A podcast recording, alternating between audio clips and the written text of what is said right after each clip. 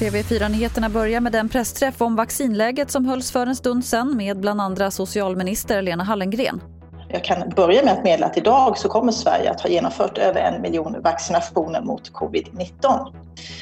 Och det finns ingen tvekan om att de har effekt. Antalet fall av covid-19 har fallit dramatiskt på äldreboendena där nu över 90 procent har fått minst en dos vaccin.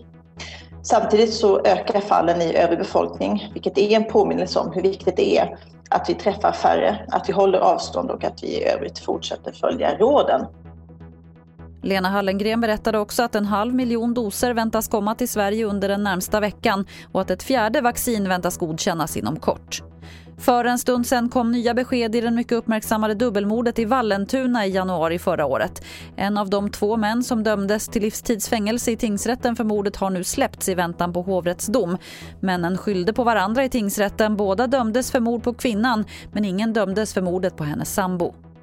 Efter coronautbrott bland säsongsanställda så erbjuder nu Region Jämtland Härjedalen covid-testning veckovis för all personal i Åre och Vemdalsområdet. Det här rapporterar SR. Först ut är Skistars personal med runt 800 personer men den utökade testningen gäller också andra arbetsplatser som frisörer och matbutiker. Det var det senaste från TV4 Nyheterna. Jag heter Lotta Wall.